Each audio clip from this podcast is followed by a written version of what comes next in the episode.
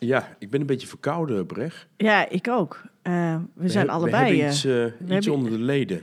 Ja, en het is geen corona, want we zijn getest. Jij bent getest, ik ben getest net. En Ja, we hebben is, geen corona, nee. godzijdank.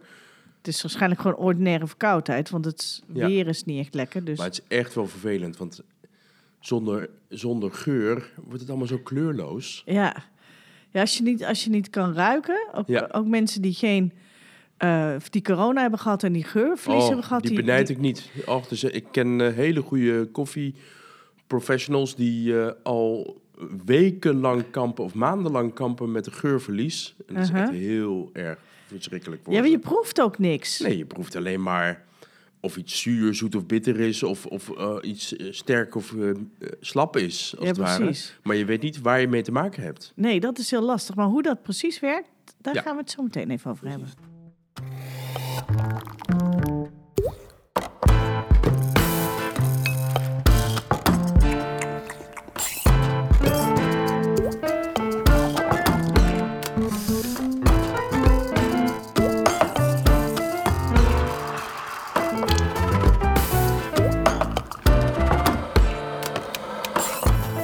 Het Koffiecollege, de podcast waarin je alles leert over koffie.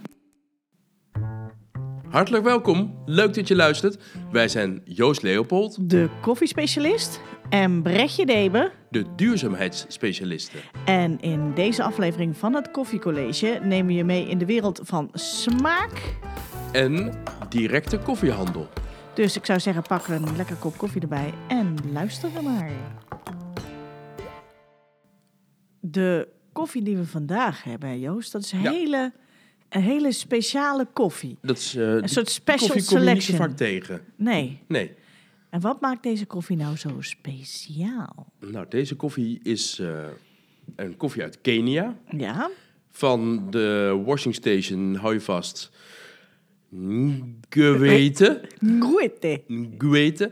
Het is eh, N-G-W-E-T-H-E. En degene die weet hoe dat uitgesproken Eh, moet nou, worden, die mag dat even inspreken in een audiobericht. Precies. Of een Keniaan zelf. Ja. Ook prima. Eh, maar wat zo speciaal is aan deze koffie, is dat de koffie een peaberry is. Een peaberry. Ja, pea, Een- peaberry is een pea is een, is een Engels woord voor ert. En Ja. berry is bes. Dus het is eigenlijk erwtenbes. De, de bessen zijn rond in plaats van ovaalvormig. ja. Ehm, en bevatten, en dat is het meest speciale, bevatten maar één pit in de koffiebes in plaats van twee pitten. Oké. Wanneer je één pit in de koffiebes hebt, he- heb je eh, een eenpitter. Mhm. Wij zijn ook eenpitters. Nee, ja? wij zijn twee pitters. Of wij zijn twee pitters, ja. Oké. Maar wanneer je één pit in de koffiebes hebt, heb je een foutje van de natuur. Mm. Want eh, iedere koffiebloesem heeft twee stampers. En sommige, eh, sommige koffiebloesem heeft maar één stamper. En één stamper produceert één koffieboontje. Oké. Ehm, er zijn koffieboeren die met schaartjes en al de, eh, de plantages induiken om daar steeds de stampertjes af te, af te soort van... knippen, als het ware. Stere- het, eh, hoe heet het? het eh, eh, hoe noemen we dat nou? Bij een dier? Castreren van de Ja. castreren van de koffie. koffie Zoiets, ja. Ja. Nou, dan, dan zouden allebei de stampers worden afgepri- eh, afge- afgeknipt. Maar in Ja. dit geval is het één stamper wie, wat er af wordt geknipt. En dan eh, krijg je uiteindelijk een peaberry. Als je het op de natuurlijke manier wil, dus Mhm. niet eh, met een schaartje... dan eh, eh, zal je eh, bij iedere 10 kilo koffie die je produceert... zal je 1 kilo peaberry hebben. Dus het is zeer zeldzaam. Nou, wat, wat zo mooi is aan deze koffie, is dat het ronde boontjes zijn. En dat is anders dan eh, de platte eh, boontjes. En ehm, eh, die ronde boontjes, die, die worden veel mooier... ehm, die ontwikkelen veel mooier wanneer ze, koffie, eh, wanneer ze gebrand worden als koffie. En eh, kregen een veel mooiere smaak. Hele zachte, beetje peerachtige smaak. Veel lekkerder dan, dan veel andere smaken van de koffie. Mhm. Ehm, eh, het geeft eh, prachtig mondgevoel. Ja. Het, zijn, het zijn echt topkoffies eigenlijk. En is, en is, dat wordt- dan, is dat dan ook lastiger bedoel, ik, ik kan me voorstellen dat, dat als jij dus inderdaad zo'n zakje... Want we hadden een heel zakje vol met van die peaberries Ja, erin. ja, hè? Dat, dat- als je die koopt, krijg je gewoon echt een zakje peaberries. En die zijn dan dus handmatig geselecteerd door iemand. Ja. Wordt dat dan daar gedaan of wordt dat hier, is dat hier gedaan? Wat denk Ja, je? de verwerking van de koffie wordt altijd handmatig gedaan, vlak voordat de koffie eh, eigenlijk de, de, eh, eh, de ontpulper in gaat. Mhm. Worden eerst de bessen ehm, geselecteerd. En dan zou je alle kleine besjes kunnen selecteren waar maar één pitje in zit. Want je kan zien aan een besje wanneer er Oh, twee pitten in zitten of wanneer er één pit in zit. ja. Twee pitten zijn gewoon boller, langwerpiger en je ziet duidelijk dat er twee pitten in zitten. Uh-huh. In dit geval eh, is het één pit, dus je kan het veel makkelijker eh, selecteren. Wat ik nog wilde toevoegen is, deze boontjes worden vaak parelboontjes genoemd. Alsof Oh, je een parel in een oester vindt. ja en, en zijn ze dan ook extreem duur? Eh, ja, ja. Niet extreem, maar wel een stuk duurder dan gewone koffie. En, en, waar, en, en smaken ze dan ook extreem lekker? Och, dit is een goddelijke smaak. En welke, wa- waar smaakt deze koffie? Deze koffie die ik hier heb, de smaakomschrijving die ik hier heb staan, denk aan veel bramen, zijdezacht mondgevoel, donkere rietsuikerzoetheid. Heerlijk als espresso en een krachtpatser in combinatie met melk. Nou, dat, Dat weet ik niet, dat laatste. Maar het is absoluut een eh, hele mooie, eh, elegante, toegankelijke koffie. het klinkt echt heel erg mooi, maar ik vind het altijd eh, ook best wel lastig als ik dat zo zie, al die smaakomschrijvingen. Snap Zou jij eens kunnen vertellen hoe dat precies werkt met al die smaken in de koffie? Ja, ga ik doen.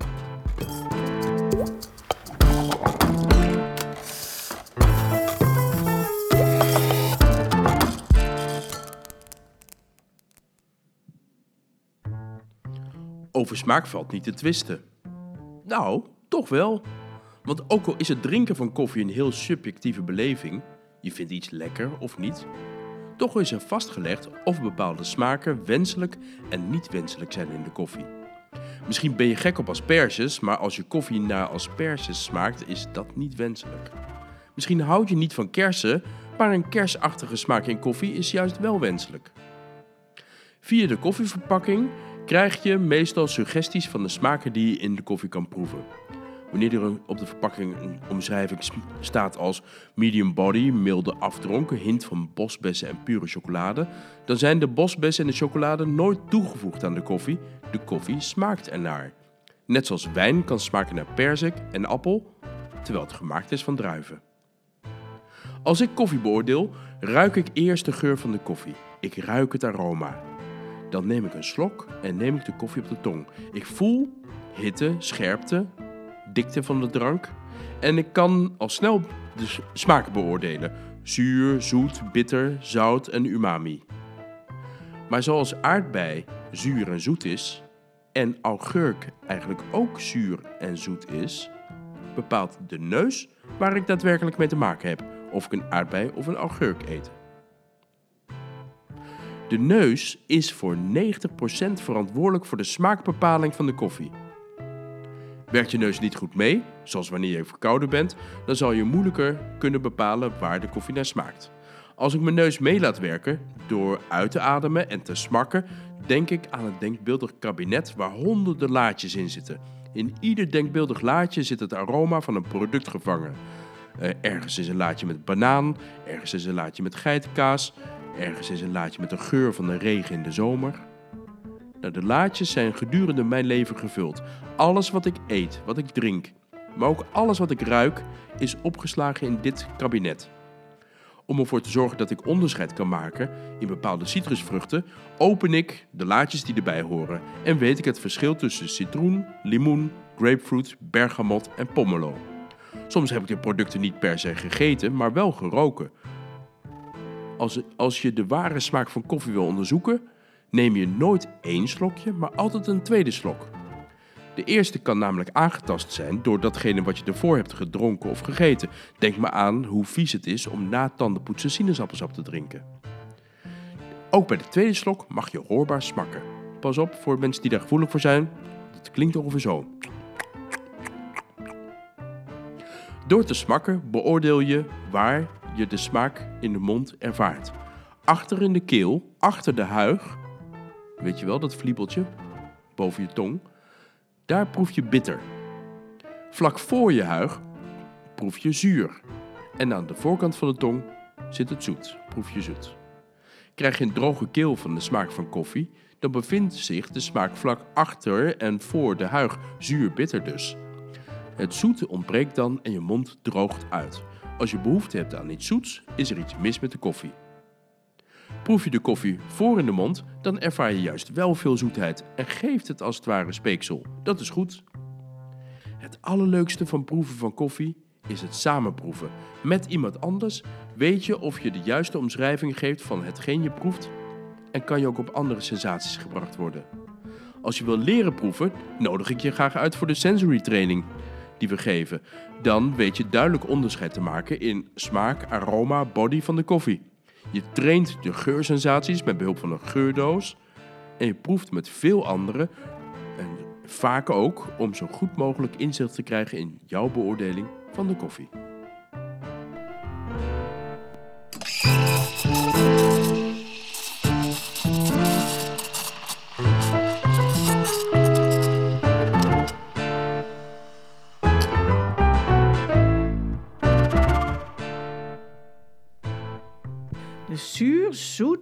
Bitter, zout, zout, en umami. Umami, ja.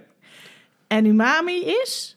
Eh, umami is een van de vijf basissmaken. Uh-huh. En umami betekent letterlijk heerlijk. Dus als je ooit in Japan bent en je wil een compliment geven aan de chef, Dan zeg ja, je dan zeg je, umami. oh, umami. Umami. En dan, oh, dan is hij blij, joh. Dan, dan heb je het helemaal gemaakt. Maar wat dan is krijg je misschien wel umami? een gratis toetje. En wat smaakt umami? Een umami is, eh, is een ander woord voor heerlijk en wordt eigenlijk toegekend aan alle producten die je toevoegt aan je gerecht om de smaken omhoog te liften. Zoiets als maggi.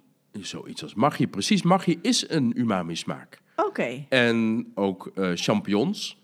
champignons. Ja, Huh. ook tomaat. Ook eh Parmezaanse kaas in de Italiaanse keuken. Ook eh, eh, sojasaus in de Aziatische keuken. Dat zijn allemaal umami smaken. Dat zijn allemaal umami-smaken. Het is anders dan zout. Huh. Zout werkt ook smaakversterkend. Wat we lekker vinden tegenwoordig is karamel zeezout, weet je wel. Een super lekkere combinatie. Maar zout kan ook overheersen. en, en droogt uit. En dat geeft heel, eigenlijk heel Mhm. Ja. vervelend mondgevoel. En, eh, en umami, dat droogt nooit uit. Dat, geeft echt, dat zorgt ervoor dat je echt alles kan proeven. Dat is een hele ronde smaak, zoals we dat noemen. En ze zeggen wel eens dat je, de, dat je smaak, want jij gaf het ook een beetje aan, waar proef je nou? En toen Ja. had je het over achter in de mond en voor Ja. de mond zeggen eens dat je tong Dat- als het ware een soort vakjes heeft waar je smaken proeft. Ja, dat, da- daar zijn allemaal hele interessante ehm, eh, meningen over. Ehm, het verhaal gaat dat ooit een wetenschapper het bedacht heeft. En Ja. die heeft gewoon gezegd van, weet je wat, het is sowieso zo. En Wat heeft dat hij hij, dat, eh, sorry, dat je eh, bitter achter op de tong proeft, zijkant zuur, voor, zijkant aan de voorkant zout en eh, voorkant zoet. Alsof je het echt alleen maar op die delen van de tong kan proeven en nergens anders. Nou, dat, schijnt, dat is vastgelegd in een boek en wat je schrijft, dat is waar. Dus eh, dat is door heel veel mensen aangenomen. Maar dat is later Ja. weer weerlegd door allerlei andere wetenschappers die zeggen: nee, je, je proeft eigenlijk met je hele tong Mhm. en je wangen en je verhemelte overal. En je kan onmogelijk aangeven dat op bepaalde delen van je tong je iets proeft. Maar wat, wat ik vertel in mijn verhaal, in mijn college en ook wat ik in mijn lessen vertel, is dat je de, in de afdronk, de nasmaak, wel kan ervaren dat je bepaalde delen van de tong, en dan achter de huig, voor de huig en voor op de tong, dat je daar op die delen van de tong wel de nasmaak kan ervaren. En dat geeft je inzicht in hoe het smaakt. Dat is meer ook een soort ervaring, een prikkeling die je daar Het is een, ja, het is een prikkeling. Ja, het is, als ik echt iets achter mijn keel proef, dan heb Mhm. ik gewoon heel veel eh, behoefte aan een slokje water. Ja. Als je dat hebt, dan Ja. weet je dat, dat bitter overheerst. Ja. Ja?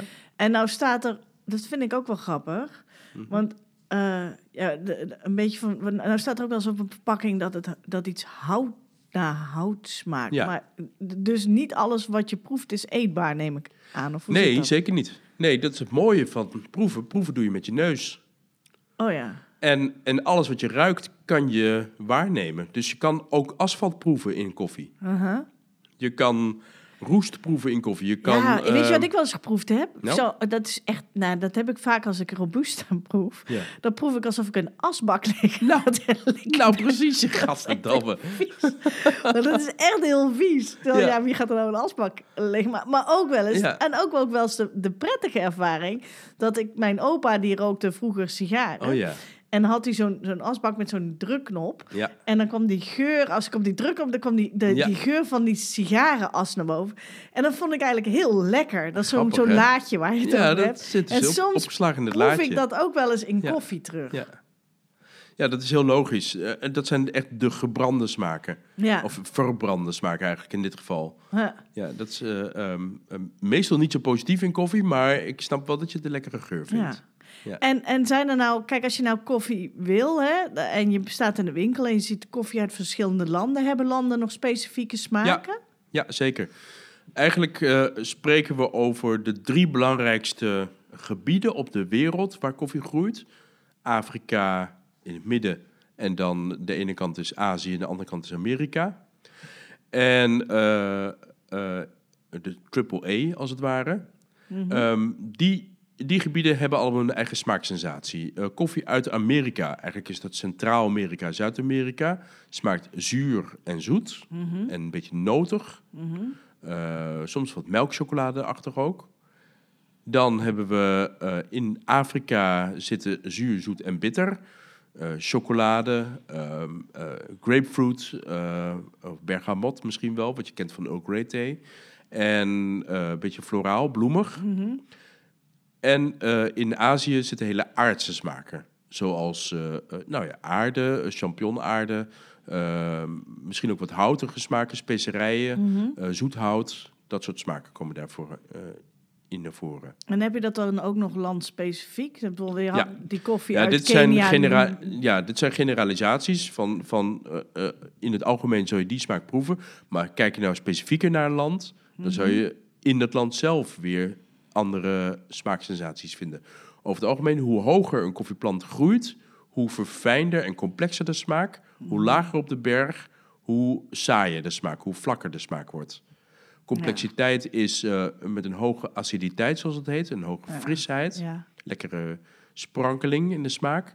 En hoe lager, echt hoe vlakker en eh, saaier de smaak. Ja, dus als je weet waar iets exact vandaan komt, dan kan je Heb ook je een een- beetje inschatting maken van hoe die ongeveer zou kunnen smaken. precies. Dat zou je kunnen Het doen. is geen garantie. Het is geen... Oftewel, de koffiebrander vertelt dan die smaak op de koffieverpakking. Mhm. Het is een indicatie van wat jij gaat proeven. Mhm.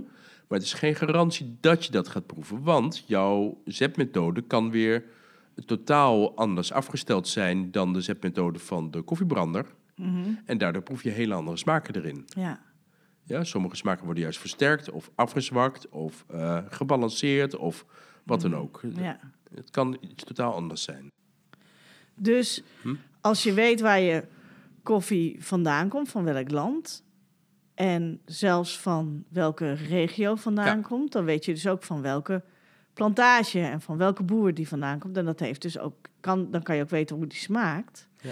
Maar wist je ook dat op het moment dat je dat weet, dat we dan te maken hebben met direct trade en dat de boer dan over het algemeen meer voor zijn koffie gekregen heeft dan wanneer die informatie niet bekend is? Huh? Hoe zit dat dan?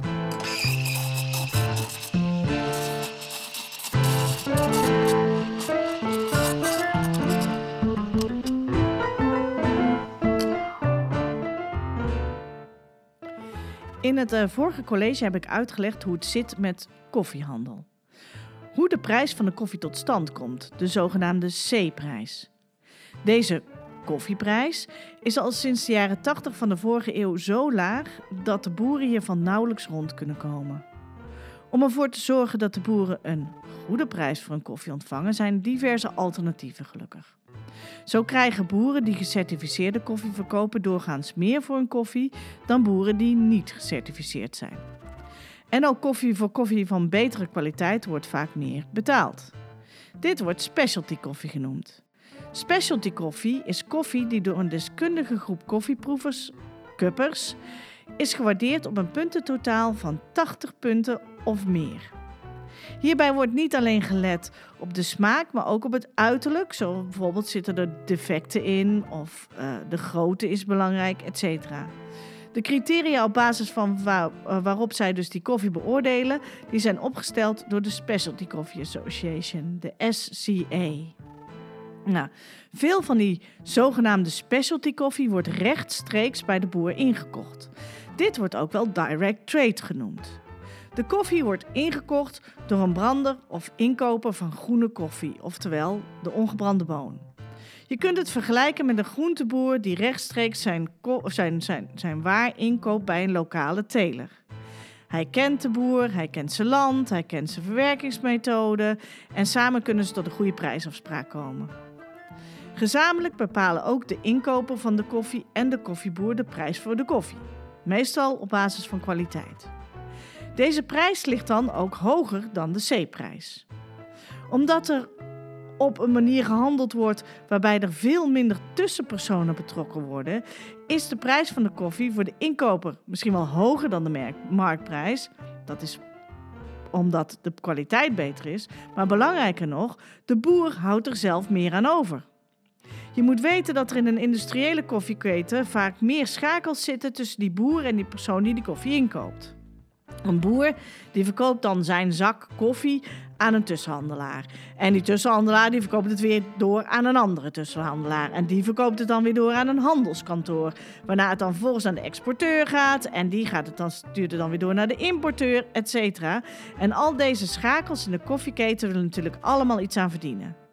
En als de inkoper al zelf weinig voor die koffie betaald heeft, dan betekent het met al die schakels ertussen dat de boer er uiteindelijk maar heel weinig aan overhoudt. Dus hoe minder schakels, hoe eerlijker de prijs is die de boer ontvangt.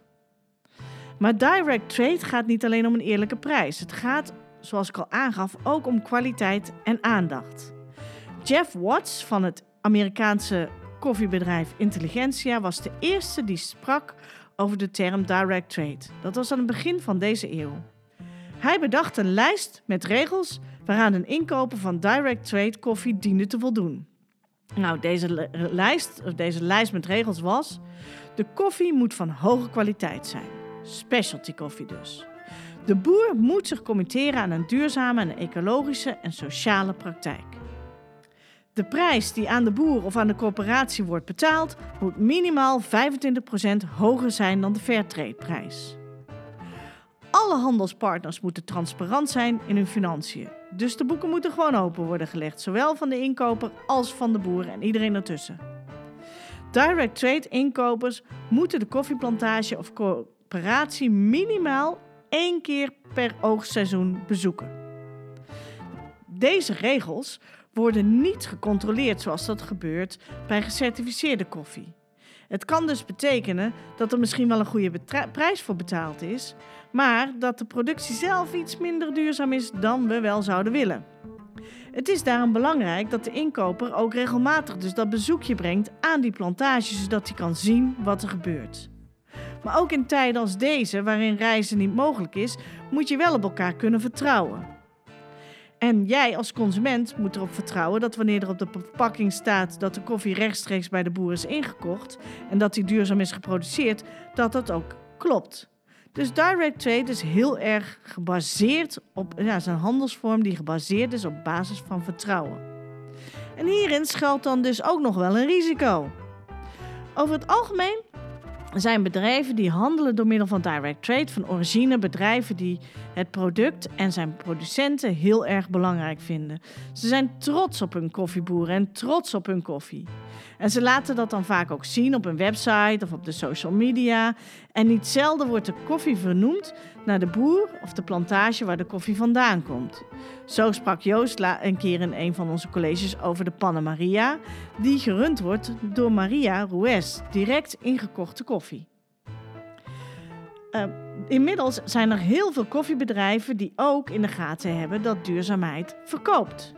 Ze plaatsen een foto van de boer op de verpakking of vermelden op de verpakking dat ze rechtstreeks bij de boer inkopen. Maar of dat zo is, dat weet je niet zeker. Dus wil je zeker weten of de koffie rechtstreeks is ingekocht, gekocht, check dan de website en de social media van het bedrijf.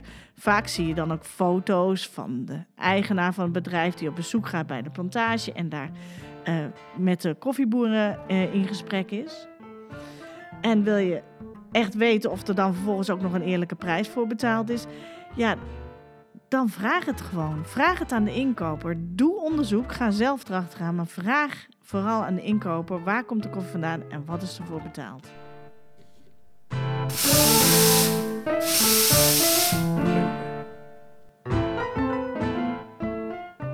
Helder. Dus direct trade is eigenlijk altijd te verkiezen boven eh, niet direct trade.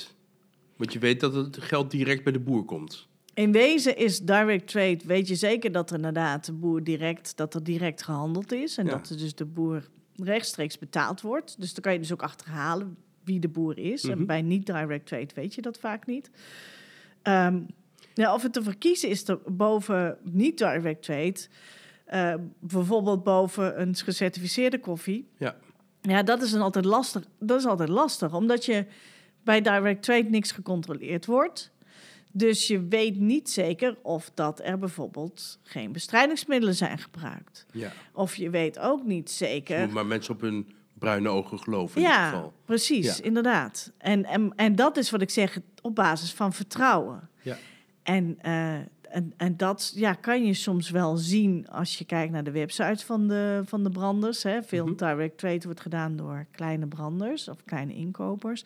En die vertellen dan vaak wel het verhaal achter de koffie. En dan zetten ze er ook bij, nou, deze koffie is ecologisch geproduceerd, et cetera. Ja.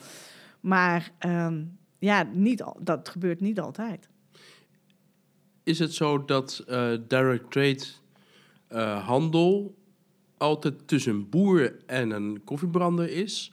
Of gaat het vaak ook nog wel via een coöperatie naar een koffiebrander? Het gaat ook nog wel eens via een coöperatie naar een koffiebrander.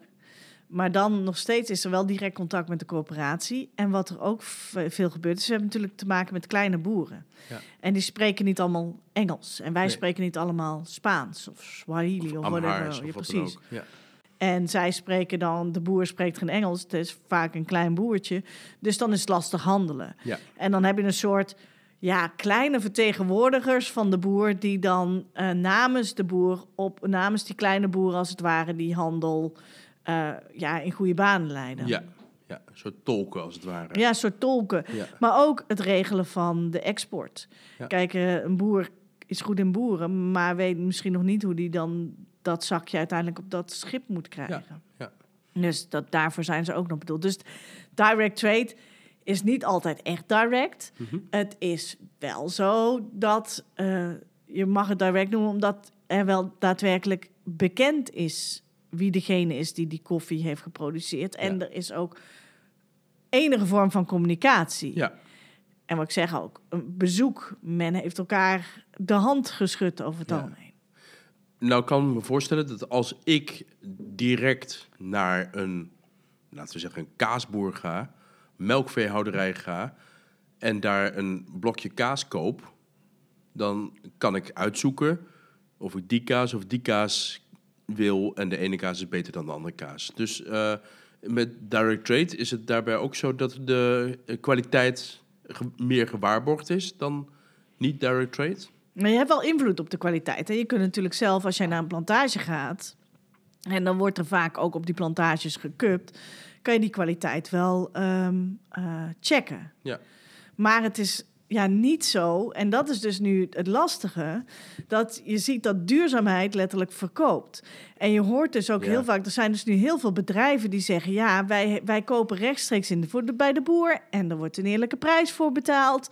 Maar dan wordt dat eerste stukje van de direct trade regels, namelijk dat het kwaliteitskoffie is, wordt overgeslagen. Dan hebben ze eigenlijk helemaal geen verstand van koffie, diegene die het inkoopt. En laat staan van smaak, zoals jij dat Ja. net ook omschreef. Dat zijn geen ervaren kuppers. Dus ze weten eigenlijk heel weinig van kwaliteit. Dus ze Maar- kopen het in Ja. op basis van advies of iets dergelijks. En vervolgens eh, betalen ze er wel een eerlijke prijs voor. Maar het wil niet zeggen dat het hoogwaardige kwaliteit koffie is. Maar dan is het heel moeilijk voor mij als consument om te bepalen wanneer de kwaliteit van de koffie goed is. Ja, Toch? dan moet je proeven. Dat Ja. is dan uiteindelijk proeven. Of je had het ook over vragen stellen. Wat voor vragen kan ik nou stellen als consument? Kan je wat voorbeelden geven daarvan? Nou ja, als consument kan je als eerste, als jij een kopje koffie bestelt, aan je barista vragen: waar komt mijn koffie vandaan? Weet jij dat? Ja, uit het espresso-apparaat. Ja, meestal krijg je zo'n antwoord. Als ze al weten überhaupt wat voor koffie er in de, in de, in Ja, de eh, stolp zit. espresso, cappuccino, lungo. Ja, precies. Wat voor koffie heeft u? Maar als je naar een specialty koffiezaak gaat, dan weten ze vaak wel... deze koffie komt uit Ethiopië. Soms hebben ze nog wel meer informatie. Soms krijg je zelfs de informatie eh, meegeleverd bij je kopje koffie... op een leuk eh, papiertje. En, eh, en dan kan je ook vragen van... Goh, en ben je er zelf wel eens geweest? Of is je baas er wel eens geweest? En dan soms komen er hele leuke verhalen uit... omdat ze mee zijn genomen met hun baas naar de plantage... of Oh ja. hun baas is ergens geweest. En, eh, en dan zeggen ze, ja, ja die, is vorige, die, die zit nu in Colombia of wat dan ook. Ja. Dus dan weet je al, hé, hey, wacht even, die doen, dat is rechtstreeks. Dus je kent al een beetje van het verhaal. Dus gewoon vragen van, en, en vervolgens zeg ja, weet jij of er dan een eerlijke prijs voor deze koffie is betaald? Dus ja, ja, ik weet niet precies hoeveel, maar ik weet wel dat ze er een Het is eerlijke wel prijs... glad ijs hè, waar je dan Ja. op geeft. Je weet het natuurlijk nooit zeker, Nee. maar meestal wat ik zeg, op het moment dat er een soort trots op het product over het product wordt, met trots over het product wordt gepraat en een verhaal achter het product Ja. kan worden verteld, dan kan je ervan uitgaan dat, het, dat er sprake is van direct trade. Ja. En eh, dat het ook echt gaat over direct trade zoals Jeff Watts het bedoeld heeft. Op het moment dat er gezegd wordt, ja, deze koffie is, eh, eh, ja, die is rechtstreeks bij de boer ingekocht.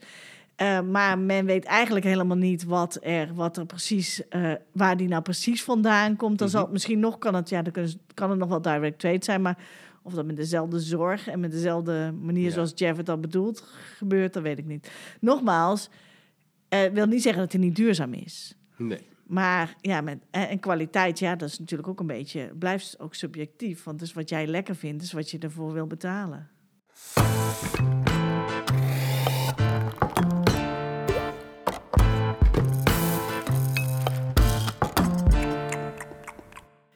Eh, dit was weer ons verhaal. En nu is het eh, tijd voor jullie, namelijk het is tijd voor de questions and answers. Yes, het leukste onderdeel. Nou ja, dat- ik, vind het, ik vind dat heel leuk om, eh, om te horen eh, als er vragen zijn. Ja. Alleen, eh, ik heb het idee dat wij ontzettend duidelijk zijn. Oh. Want op dit moment, moet ik eerlijk eh, toegeven, Joost, Ja. ligt er helemaal geen vraag. Oh ja, dat betekent inderdaad dat we duidelijk zijn. Ja, ja. ja tenzij jullie denken, oh, ik ben helemaal vergeten op te sturen. Dan Of zou- misschien vinden ze het eng om een audioberichtje te sturen. Dat kan ook. Als je het eng vindt om eh, iets in te spreken... of als je gewoon geen zin hebt om eh, je stem eh, terug Kan, te kan horen... ook heel goed, makkelijk. Want ja. dat is, moet ik toegeven, best wel af en toe confronterend. Dan, dan is het ook wel mogelijk om gewoon een mailtje te sturen. Dan Ja. lezen we je mailtje gewoon voor. En dan, Maar een mailtje kun je sturen naar het koffiecollege apenstaatje koffieschool.nl. En, eh, maar ik had me zo bedacht. Ik heb wel eens gekeken naar eh, de achterkant van de website. En eens gekeken van wat, op met welke vragen komen mensen nou bij ons op de koffieschool terecht. En een van de meest gestelde vragen die wij krijgen. En die vind ik wel leuk, want dan denk je, ja, dat is dus schijnbaar iets wat heel veel mensen willen weten. Ja.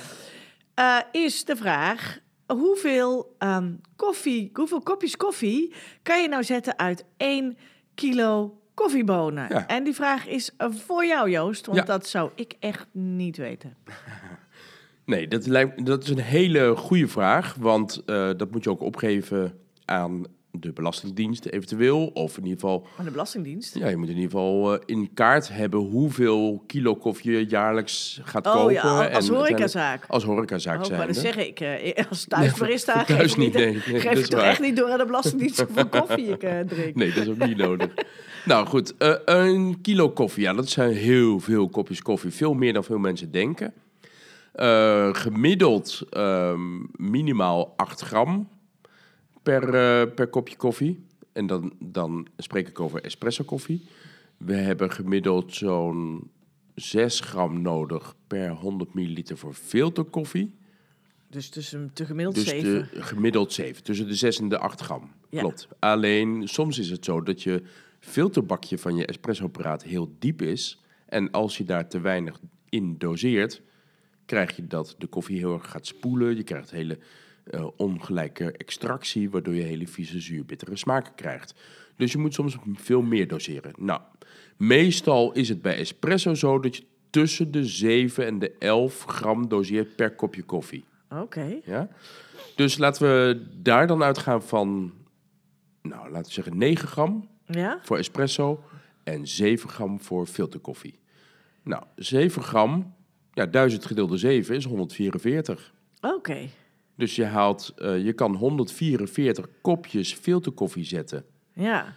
Ehm, en en eh, je kan dus, eh moet ik even uitrekenen, Dus even kijken, 144 filterkoffie. filterkoffie. Dat is, maar er zit 7 gram in. En, en hoeveel, hoeveel liter koffie is dat dan? Dat is, hoeveel liter koffie? Ja, dat is ook interessant, want 1 eh, liter koffie, daar heb je 60 gram koffie voor nodig. Ja. En uiteindelijk krijg je niet 1 liter in je pot. Per gedoseerde gram Ja, dat heb koffie je al eens eerder gezegd. Je ver- Ja. verliest wat omdat er wat in die... verlies je ja, wat. Precies, per gedoseerde gram koffie verlies je 2 milliliter water. Ja, oké. Dus je houdt uiteindelijk 880 milliliter over, als ik het goed uitreken. Ehm, maar daar heb je dus 60 gram voor nodig. Oké. Dus uiteindelijk als je... Je, je kan eh 60 maal... Oh, dan moet ik even hoofdrekenen. Eh, volgens mij kan je wel 20... Nee, 15 liter koffie zetten met 1 kilo. Zo. Zeg ik dat goed? Dus je kan voor 1 kilo... eh, eh, Laten we even uitgaan dat je een soort cafeïnebehoefte hebt. En eh, je kan dus... 16. 16 is het. 16, 16 liter kan je uit Ja. een kilo koffie halen. Ja. Dus dat zijn 16 cola flessen. Nou, 16 flessen cola. Veel, nou, hè? nou ja, precies. Nou, als je uitrekent, ik heb geen idee wat een fles cola kost. Ja. 2 euro, zoiets. Wat kost een fles cola? Precies. En als je dat vergelijkt met, nou ja, maal 16, dus te- Ja, 32. 32, dan is koffie in wezen voor het doel waarvoor het dient. Als je zegt, ik wil het voor de kick of eh, even, hè, even lekker wakker precies. Dan is koffie toch nog altijd goedkoper dan cola. Ja, zeker. Wat ehm, belangrijk is om te weten, dat is als je een kilo koopt, dan eh, ben je natuurlijk voorlopig voorzien voor je koffiebehoeften. Maar je moet wel weten dat een kilo koffie in huis hebben, moet je wel vrij snel opmaken. Ja. Want een kilo, eh, wanneer de kilo koffie eenmaal is aangebroken, is het nog maar maximaal drie weken houdbaar. Uh-huh. En eh mits bewaard op een koele, donkere, droge plaats. Ja. Dus je zit wel met de, de, de versheid van de koffie. Oké.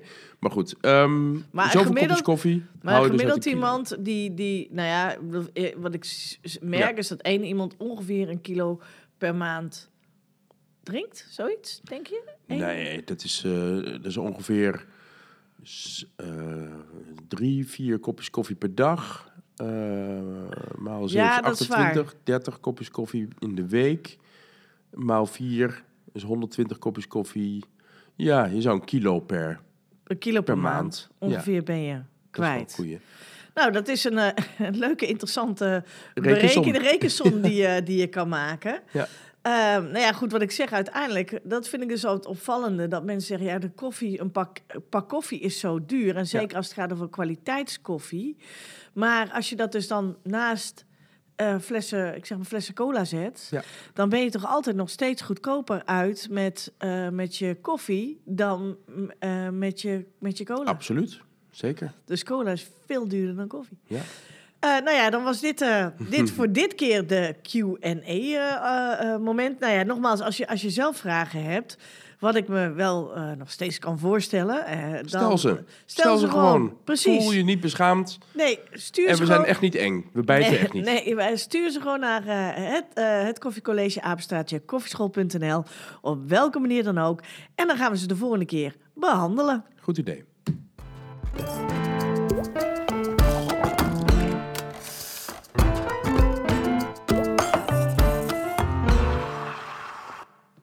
Zo, mijn koffie is op. Ja, mijn eh, kopje is ook leeg. Ja, behalve altijd, ik laat altijd een klein bodempje. Ik weet niet, dat is een tik van mij. Maar dan zie je het hartje nog, hè? Dan zie je het hartje nog. Ja, zeker, want ik had een cappuccino, dus je ziet nog Met een, een eh, hartje. eh, een hartje onderin. Eh, maar goed, we zijn aan het einde van onze koffie. Ja. En aan het einde van deze aflevering eh, Ja. gekomen. Dat eh, gaat vaak samen. En eh, nou ja, eh, dus eh, ja, dat was het weer voor vandaag. Behalve dan dat ik nog één dingetje heb. En eigenlijk jij, want jij had nog een heel leuk berichtje gekregen. Oh ja, ja, precies. Ik had nog een hele leuke, eh, leuke reactie. Want een tijdje geleden heb ik jullie een oproep gedaan Ja, voor eh, een leuke titel van de 1 plus 1 plus 1 koffie. Ja. Weet je nog? Eerst water, dan espresso en daar weer een espresso bovenop. ja, die nieuwe koffie van jou. Precies. Nou, ehm, kan ik zelf wel van allerlei leuke dingen bedenken. Maar we hebben dat aan jullie gevraagd. En jullie hebben dat allemaal bedacht. Maar Daniel heeft daadwerkelijk ook een reactie gestuurd. Dus ik ga die van Daniel voorlezen. Yes. Oké? Dus eh, mocht je in de tussentijd toch nog zoiets hebben van... Oh, hè, nou, dan heeft hij mijn, eh, mijn reactie moeten nog horen. Stuur dat in, hè? Koffiecollege, ja, koffieschool.nl. Maar ik ga de, de reactie van Daniel even voorlezen. Ha Joost, wat ontzettend leuk die podcast samen met Brechtje. Complimenten. Mocht je inspiratie nodig hebben voor de naam van je 1 plus 1 plus 1 koffie, komt-ie? Black Triple. Oh, Black Triple. Ja, dat klinkt Ja, wel dat, goed, dat klinkt wel stoer. Het is wel een stoere, stoere naam. Ja, Ja, super bedankt eh, Daniel. ja en trouwens Daniel, ook, eh, geweldig. ook Heel voor het eh, complimentje bedankt Daniel. Ja. Nou ja, en als we ooit een keer, en dat is toch altijd een soort stiekeme wens van ons, als we Mhm. ooit een keer een, een espresso bar gaan openen, dan komt deze Black Triple op de menukaart staan. Ja. Zou zo doen? Lijkt me wel we leuk. dat doen. Laten we dat doen. Ja, Zeker. ja. En nou ja, nogmaals, tenzij iemand anders zegt, nou, daar kan ik overheen. Ik weet nog een veel leukere naam. dan, dan, dan Daniel, vrees ik het ergste. Maar nee, want ik vind het een superleuke naam. Precies. Dus eh, ja, nou ja, dat, dat is dus dan echt het einde van, de, van deze uitzending. Ja. En eh, super bedankt dat je weer niet geluisterd hebt. getreurd, want volgende week is er nog eentje. Ja, precies. En de week daarna nog eentje. Nog we, gaan eentje, er, eh, we gaan er in eerste instantie negen maken, hebben we bedacht. En misschien komt er een tweede seizoen. Ja, precies. En dan is het altijd heel spannend, want wanneer komt dan het tweede seizoen? Precies. Dus, maar goed, blijf, blijf vooral dit seizoen even afluisteren. En vond je het leuk? Geef dan sterren of geef een goede recensie. Eh, vind ik altijd leuk. Ja, Ook, eh, want we vertel het krijgen vooral ja. door aan anderen. Ja, vertel het vooral door aan je en, vrienden en en, familie. dat en merken we natuurlijk niet direct, want we zien het niet direct, maar we zien het misschien wel aan de hoeveelheid downloads. Ja, ja. zijn. ja, het is nu alweer even. Deze, wij nemen altijd eerder op. Eh, maar het is inmiddels eh, eh, weer twee weken verder. Maar eh, twee weken geleden, dus als jullie nu luisteren, twee weken geleden, begin maart. Hadden we- snap ik al niet meer, maar ja, dat maakt niet uit. Goed, we hebben al meer dan duizend downloads. Kijk, dat is zeggen. geweldig. Oftewel duizend. Lang verhaal Ja, kort, duizend Nou, downloads ja, al. Mijlpaal is bereikt. Ja, en misschien zijn het er al 2000 inmiddels. maar wat is de streven, Brechtje? Nou, dat maakt helemaal niet uit. Het gaat me niet om. 100.000? Ja, het gaat me niet om de hoeveelheid mensen die luisteren, maar het gaat me erom dat jullie het leuk vinden om te luisteren. Ja. En dat wij het gewoon leuk vinden om te doen, toch? Zeker. Dus eh, ik eh, ga mijn eh, kopje weer aanvullen, want ik heb wel zin in een lekker nieuw Zal bakje ik een koffie. nieuw, nieuw cappuccino voor je maken? Of Ja, mag je een Black Triple? Ja, nou, doe mij zo maar een Black Triple. En voor, voor, de, voor de luisteraar, nou ja, nogmaals bedankt en tot de volgende keer. Ja, tot de volgende keer.